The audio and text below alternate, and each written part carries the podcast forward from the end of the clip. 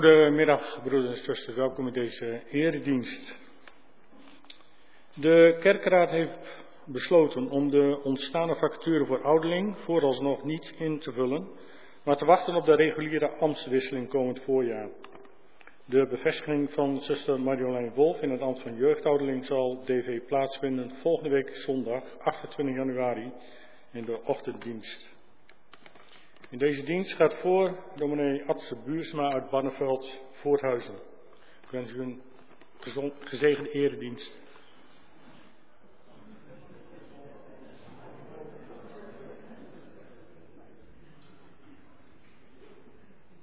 Nou, ik zal mijn best doen. Zullen we gaan staan?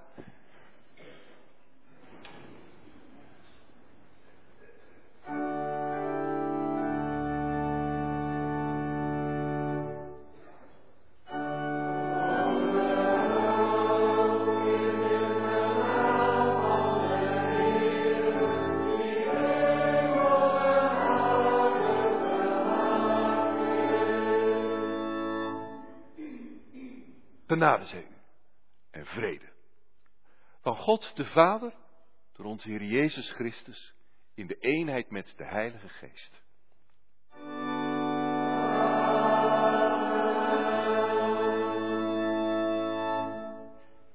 Laten we zingen uit Psalm 76, vers 1 en vers 3.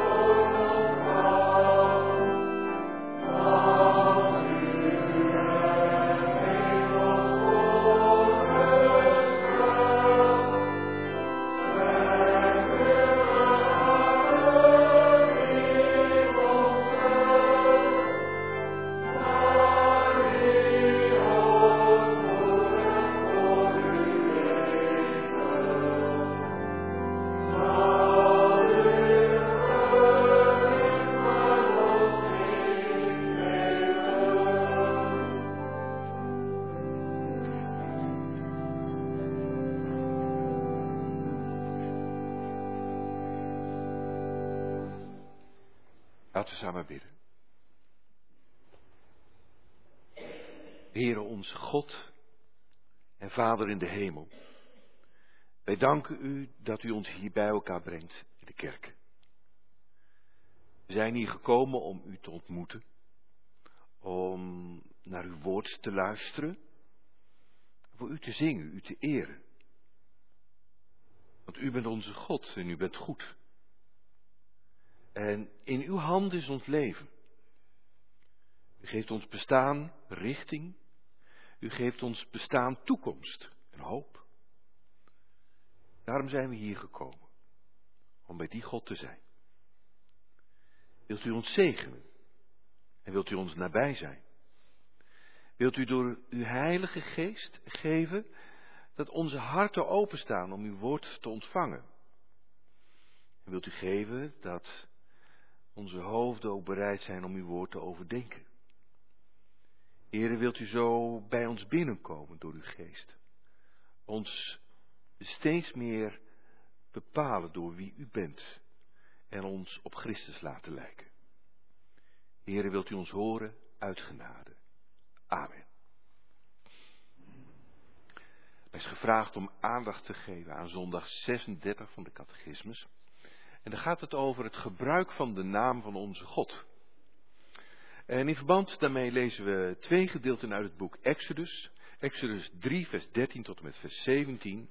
En dan Exodus 6, vers 2 tot en met 8.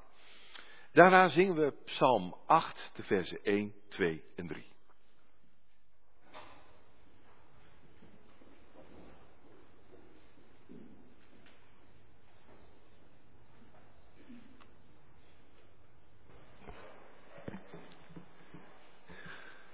Exodus 3, vers 13.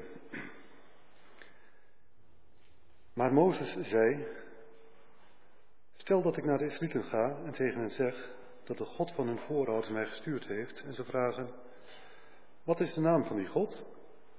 Wat moet ik dan zeggen? Toen antwoordde God hem, ik ben die er zijn zal.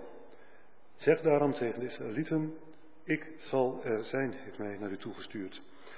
Ook zei hij tegen Mozes, zeg tegen hen, de Heer heeft mij gestuurd, de God van uw voorouders, de God van Abraham, de God van Isaac en de God van Jacob.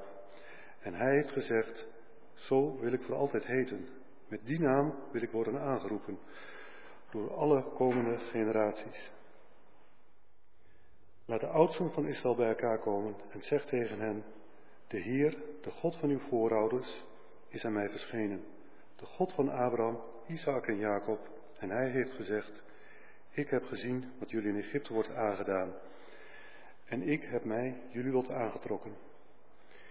Ik heb besloten om jullie uit de ellende in Egypte weg te halen en je naar een land te brengen dat overvloeit van melk en honing. Het gebied van de Canaanieten, de Hethieten, de Amorieten, Perizieten, Givieten en Jebusieten.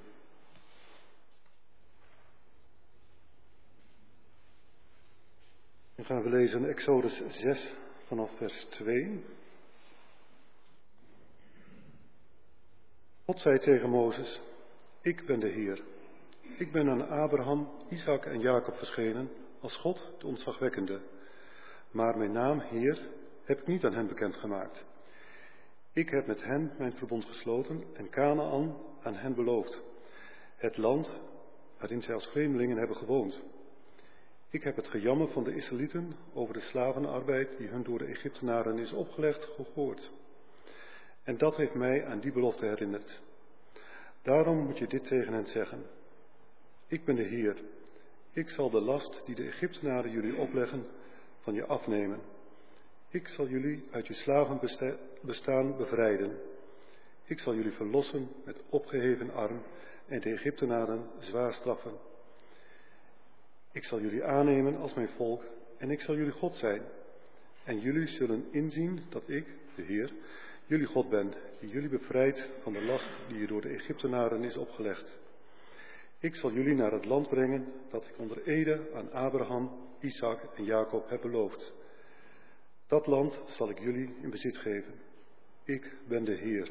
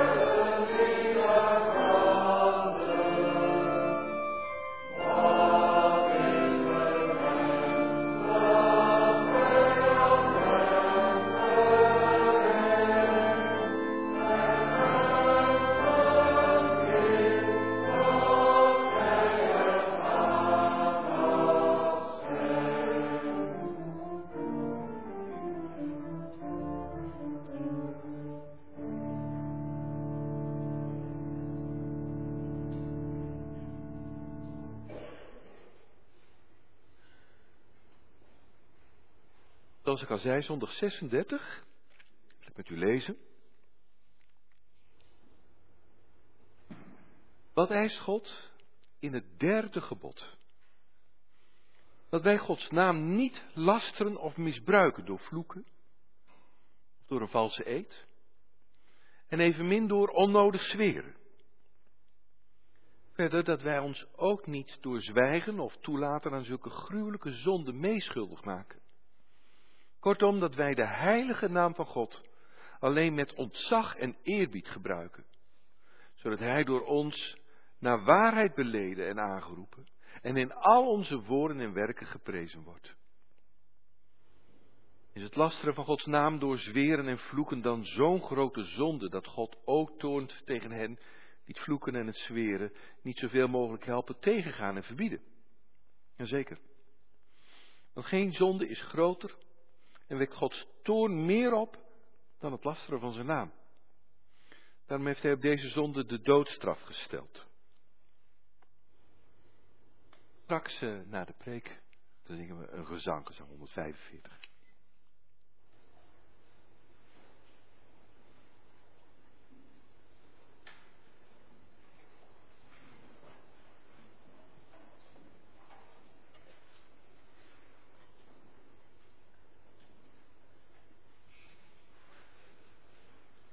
Als je iemand zijn naam weet, dan weet je ook met wie je te maken hebt.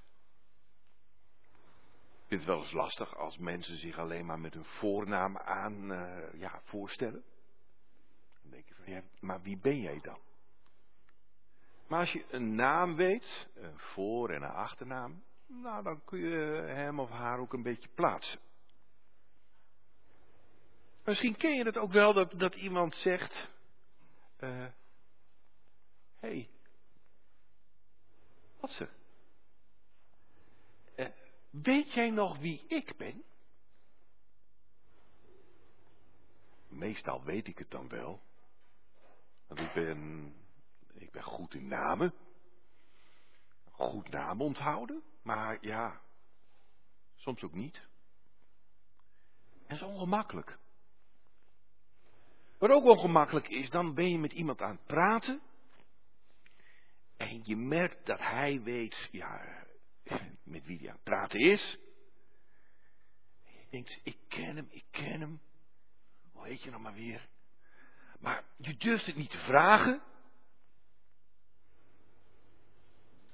En omgekeerd vinden mensen het fijn, ja, wanneer je weet, hè, je te herinneren van hoe een naam was. Blijkbaar heeft dan de vorige ontmoeting veel voor je betekend. Of iets voor hen betekent.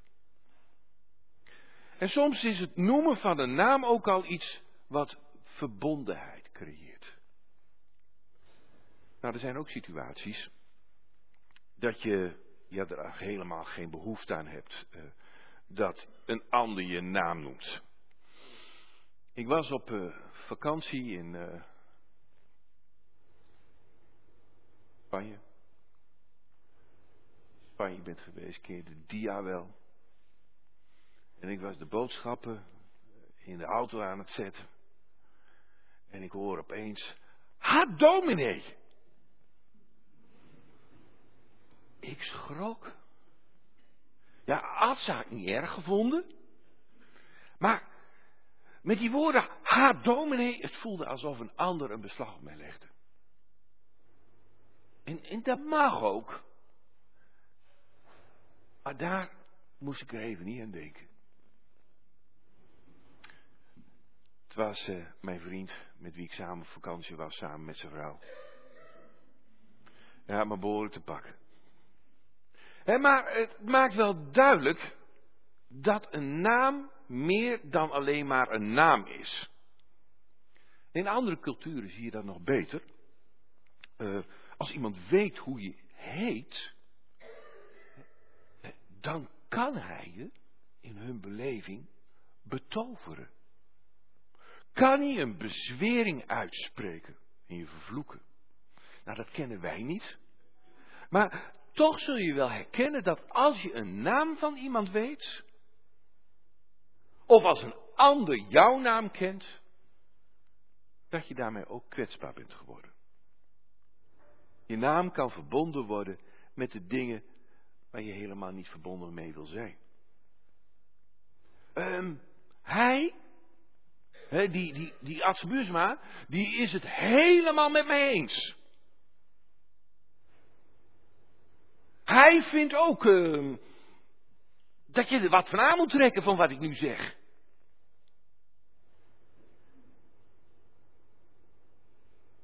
God heeft ook een naam. En wat voor ons mensen geldt, geldt ook voor God. Soms is het fijn wanneer mensen zijn naam noemen. En hij moedigt je ook aan om zijn naam te gebruiken. Maar soms zegt God, nee. Daarvoor moet je mijn naam niet gebruiken. Het is fijn wanneer mensen contact zoeken. Wanneer ze zeggen, uh, Heer, u bent toch degene die ik ken? Ken vanuit de Bijbel. U bent toch de God die zich verbonden heeft met Abraham. U bent toch de God die trouw is aan zijn woord. U bent toch de God die zijn volk als op adelaarsvleugels draagt. U bent toch de God die zich ontfermt. En dan zegt God, ja, dat ben ik. Mooi. Maar het kan ook anders. Er kan ook misbruik gemaakt worden van Gods naam. Wanneer het respect ontbreekt in een vloek. Maar misschien nog wel meer wanneer zijn naam verbonden wordt met iets wat niet van hem is. Wanneer jij jouw mening, jouw opvatting over iets verbindt met God. Het is jouw mening, maar je zegt, God zegt. En nu zeg ik wel dat God een naam heeft, maar hoe heet hij dan? Nou, dat is de vraag die Mozes aan, aan God stelt. En God zegt, ik ben die ik ben. Yahweh is mijn naam. Ik denk dat de meeste mensen vanmiddag hier in de kerk uh, dat wel weten. Je bent er groot mee geworden. Dit is de verbondsnaam. Als deze naam klinkt, dan klinkt daar ook gelijk in door van, dat is de God die zich met zijn volk verbonden heeft. En het doet, ja, het doet de mensen veel. Israël. Maar ja, jou en mij ook, denk ik. Dat God er was, dat God er is en dat hij er altijd bij zal zijn. Ik denk dat het niet voor niets is dat het lied van Sela, ik ben die ik ben, dat een lied is dat heel veel mensen raakt en dat veel voor mensen betekent. Ik, ik heb categorisatie gegeven aan iemand nou, die niet zoveel van de Bijbel wist. En ik vertelde hem over God. Ik vertelde hem ook over Gods namen. En toen liet ik hem dit lied horen van Sela. Hele nuchtere vent. Harde werker. Helemaal niet een lezer of wat dan ook. Maar toen ik dit lied van Sela hoorde, ik ben die ik ben. Hè, eh, onzichtbaar aanwezig deelt u mijn bestaan. Het, het raakt hem. Tranen in de ogen. Zie hé, dat is die naam van God. Maar hoe waar het ook is, hoe mooi het ook is dat je die God zo mag kennen, dat is niet het hele verhaal. Het is de naam waarmee God heel dichtbij is, maar tegelijk ook is er afstand. Stel je voor, um, oh, stel je voor, uh, jij komt een leuk meisje tegen. En je zegt, ik ben. Je bent? Ja? Arjan? Ah. En uh, meisje zegt, ik ben die ik ben. Ja, dan denk je toch van. Raar meisje, dat is toch geen antwoord? Ik zeg nog een keer, wie ben je? Maar bij God is dat wel een antwoord.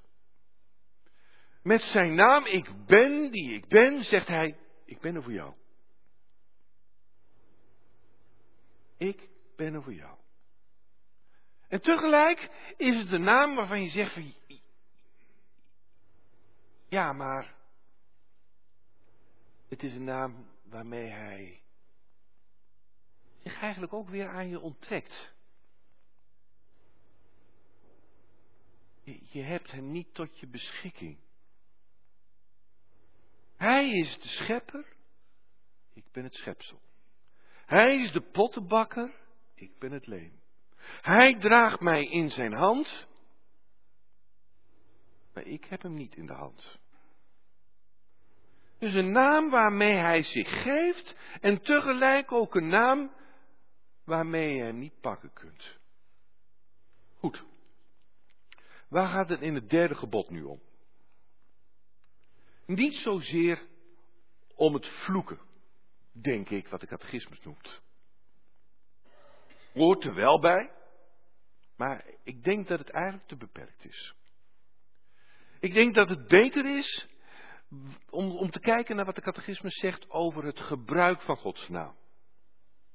Dat wij de heilige naam van God alleen met ontzag en eerbied gebruiken. Zodat Hij door ons naar waarheid beleden en aangeroepen en in al onze werken en woorden geprezen wordt. Nou, dat sluit heel mooi aan bij wat er letterlijk in het gebod gezegd wordt. Je moet de naam van de Heer, uw God, niet optillen voor een nietig doel. Je moet Gods naam niet verbinden met niets, met iets waar hij niet mee verbonden wil zijn. In de Bijbel eh, aan het lezen bent, dan kom je dat tegen bij Simi. Ik weet niet of je weet wie het is. Maar Simi is familie van Saul. En de familie van Saul is ja, aan de kant geschoven door de heren. Nu David koning. En op een gegeven moment, dan komt de zoon van David, Absalom, in opstand tegen zijn vader. En David kiest ervoor om niet de confrontatie met Absalom aan te gaan. Het is je eigen zoon. Hij gaat weg, hij trekt naar het overjordaanse. En als hij dan op weg is naar het overjordaanse, dan is daar Simi. En dan komt al zijn frustratie eruit. Maak dat je wegkomt, stuk ongeluk. Moordenaar. Jij hebt je de troon van Saul toegeëigend. Nu wreekt de Heer het bloed van Saul en zijn familie aan jou. En hij geeft het koningschap aan Absalom, je zoon. Dit is je verdiende loon, moordenaar die je bent. Hoor je wat hij aan het doen is? Hij zit vol woede en wrok tegen David. Zijn familie is aan de kant geschoven. Ze zijn gestorven, ze zijn aan de kant geschoven door de God van Israël. David is de nieuwe koning. En dan?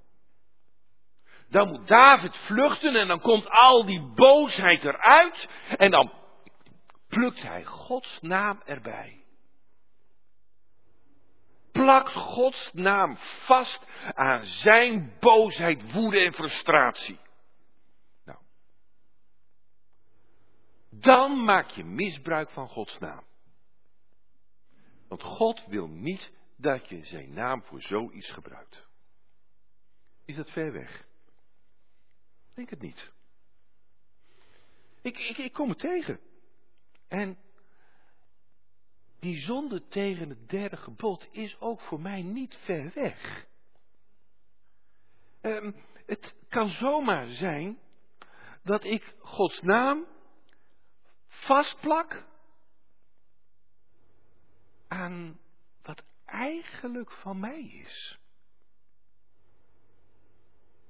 En het is dus ook aan mij om te willen ontdekken wat van God is en wat voor mij is. En ik denk dat we het allemaal wel doen. Dan zeggen we, ja, zo staat het geschreven, zo zegt de Heer. En daarmee worden dingen van vroeger kracht verleend of dingen van vandaag naar voren geschoven. Zo zegt de Heer het. En ik denk dat je het niet altijd bewust verkeerd doet. Daar ga ik niet van uit. Maar het is wel iets om heel kritisch te zijn naar jezelf toe. Vind ik dat nou? Sluit dat aan bij wat ik mooi vind? Of zegt de Heer dat? Het kan gebeuren met een oprecht hart. Maar ik vraag je kritisch te zijn naar jezelf.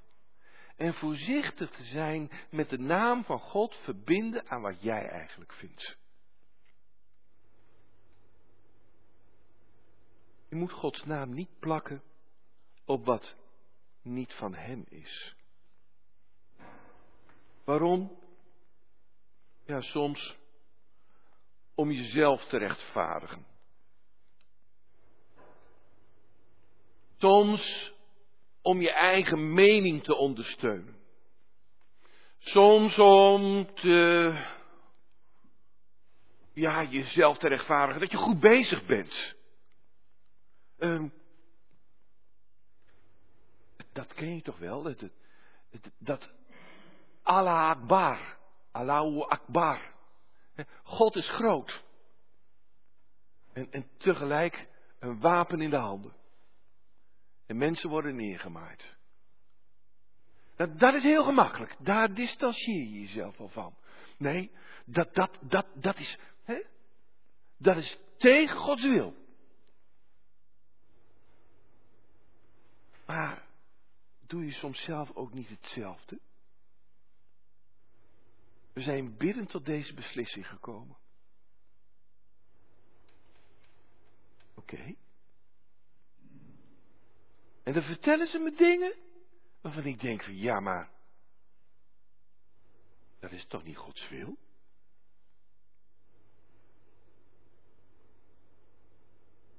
Is dit waar God mee verbonden wil zijn? Ik ben binnen tot de beslissing gekomen om bij mijn vrouw weg te gaan. Ja. En, soms kan het waar zijn hoor. Maar ik heb ook wel eens gedacht van, nou daar geloof ik helemaal niks van. Dit wordt nou gewoon gezegd om dat wat jij doet te rechtvaardigen. Nog iets.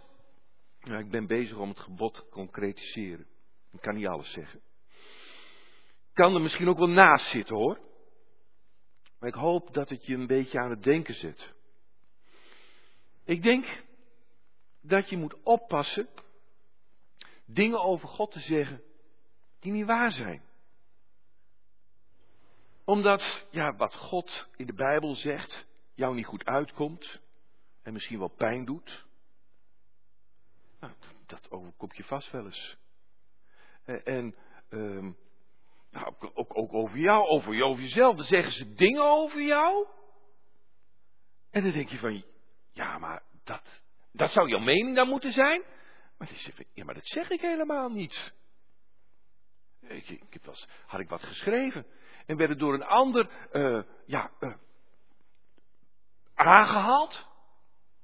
En, maar ik dacht van, maar dat heb ik helemaal niet zo geschreven. Dat heb ik in ieder geval helemaal niet zo bedoeld. Hij maakt een soort van, ja, karikatuur van mijn mening en gaat vervolgens de karikatuur van mijn mening bestrijden.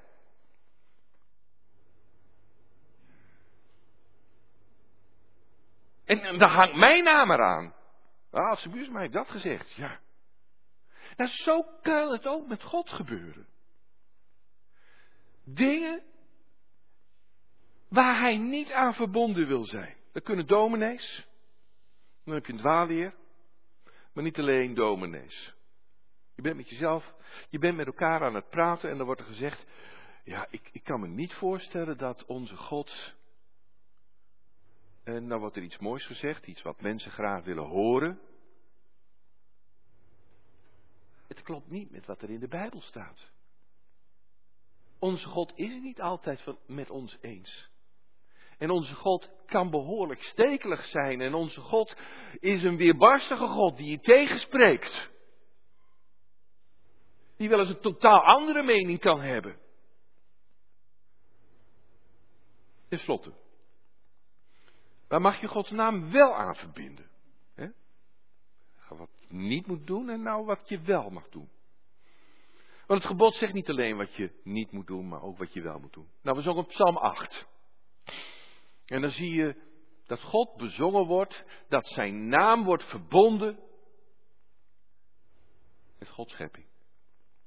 Heer, onze Heer, hoe heerlijk en verheven hebt gij uw naam op aarde uitgeschreven. Nou, als je in een mooie omgeving als het Harde of Voorthuizen waar ik woon, uh, rondloopt, uh, dan, dan. En dan komt bij je op, Heer, onze Heer. Wat is uw wereld mooi? Dan mag je daar Gods naam aan verbinden.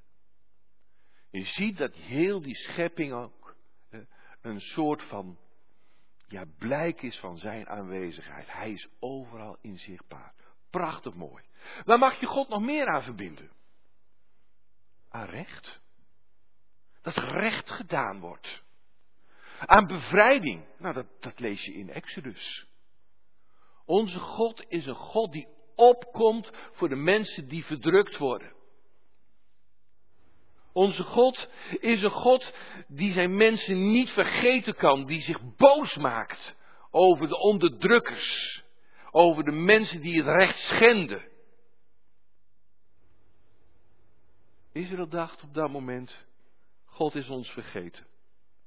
En hij doet niks. Hij verschaft ons geen recht. En wat zouden we van onze God moeten verwachten? Hij laat maar niks van zich horen. Is hij er wel bij? Was hij er wel bij? Heeft hij het wel gezien? Nou, zegt God. Ik heb het gezien. Ik was erbij. En ik ben erbij. Ik ben de God die bevrijdt. Ik ben de God die jullie in zijn hart heeft gesloten en ik zal jullie niet vergeten. Kan je van die God nog meer verwachten? Zeker weten. En deze God zegt, daar verbind ik mijn naam aan. Je kunt op mij rekenen zo waar ik ik ben heet. En zo is het ook. God verlost zijn volk en doet wat hij belooft. Zo kijk ik in deze dagen uit naar die God die nog steeds mijn God is en die nog steeds dezelfde naam heeft. Als ik zie wat er gebeurt in Oekraïne.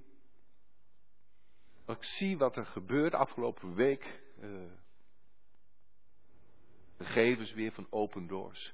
Hoe christenen worden onderdrukt in China. In islamitische landen in Afrika waar christenen worden uitgeroeid. Dan zeg ik, Heer, u bent toch de God die het ziet.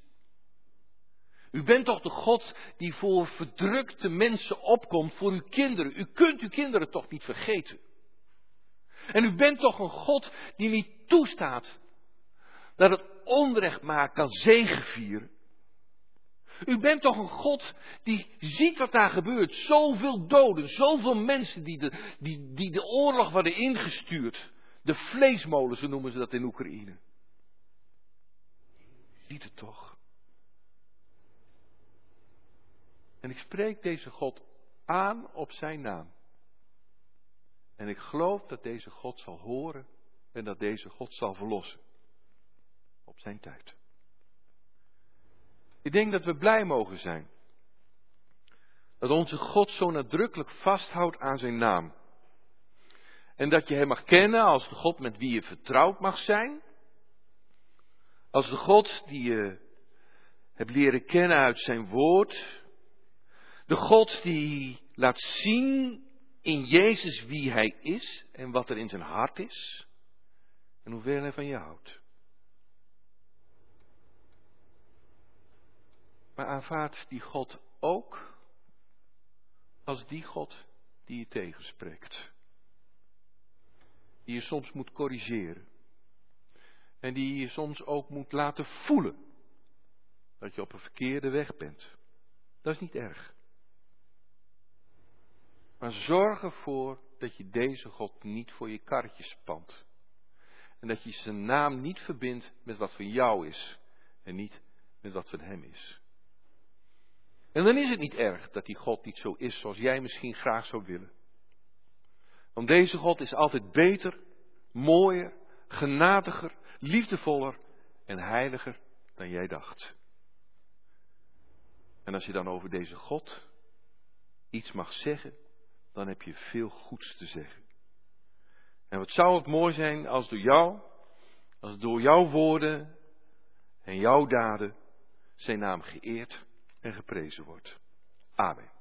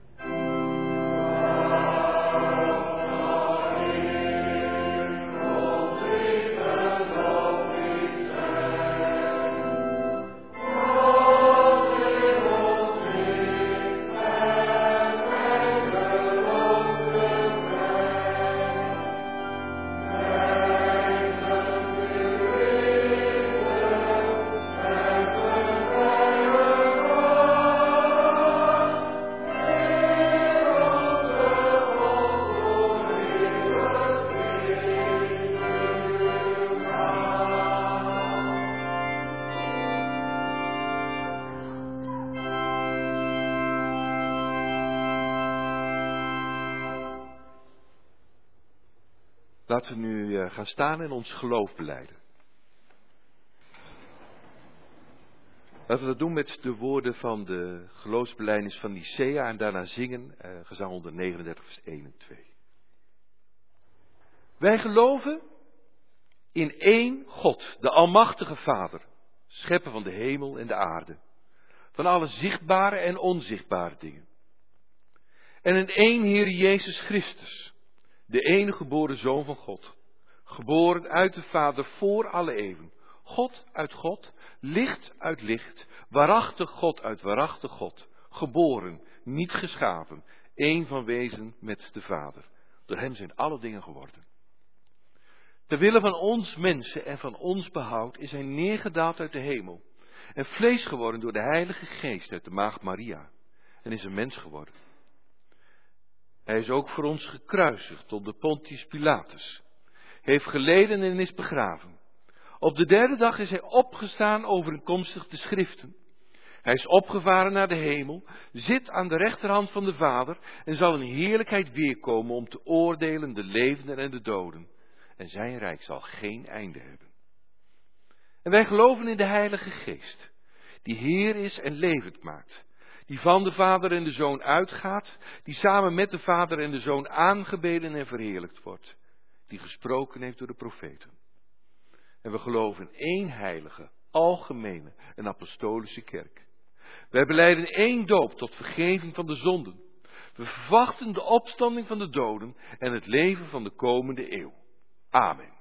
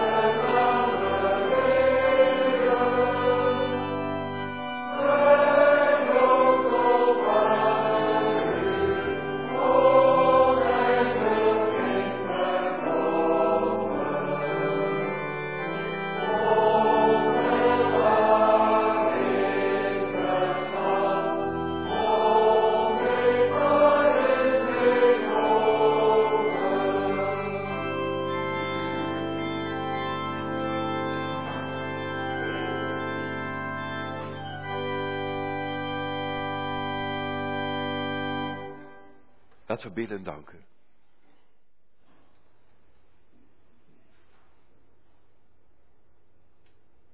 Heere onze God,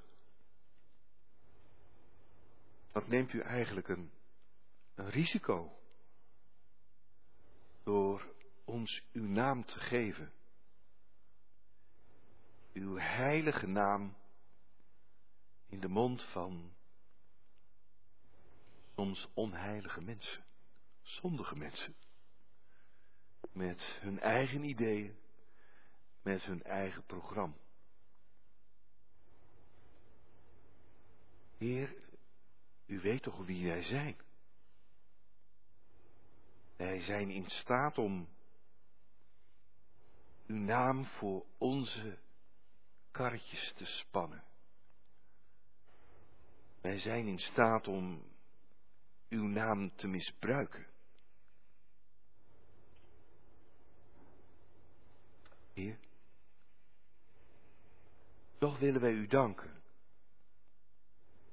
dat u het ons geeft.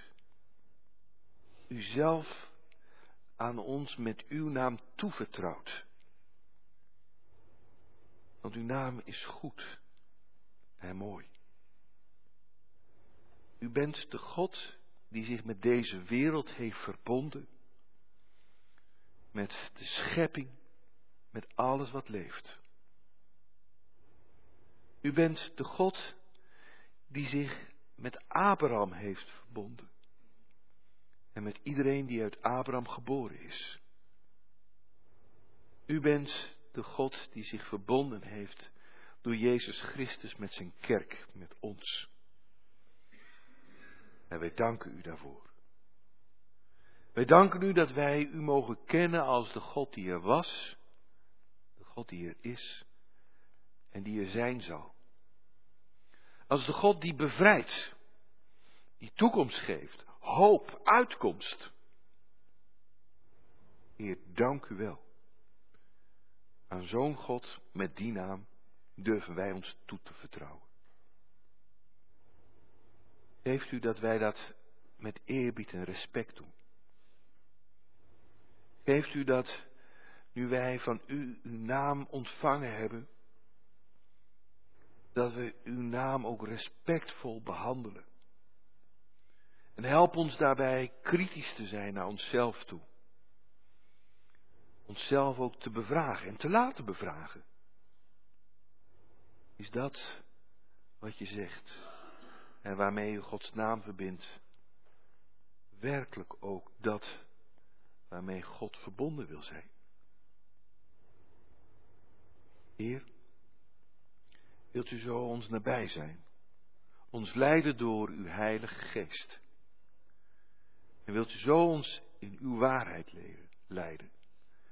En wilt u geven dat uw naam door ons, door onze woorden, door onze daden, niet gelasterd, maar geëerd en geprezen wordt. Heer, wilt u ons horen, om Jezus wil. Amen. Je mag je gaven geven en daarna zingen we nog één lied in de gezang 148.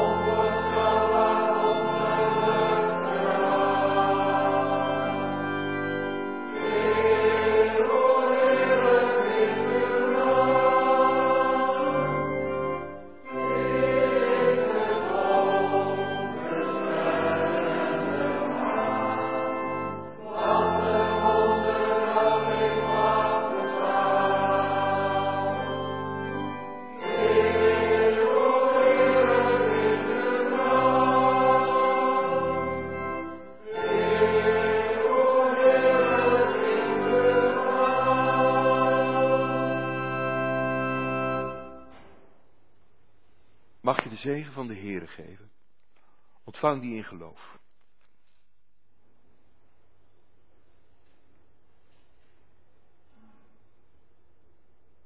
Mogen de Heere u zegenen en beschermen. Mogen de Heer het licht van zijn gelaat over u doen schijnen en u genadig zijn. Mogen de Heer u zijn gelaat toewenden en u vrede geven. Thank you.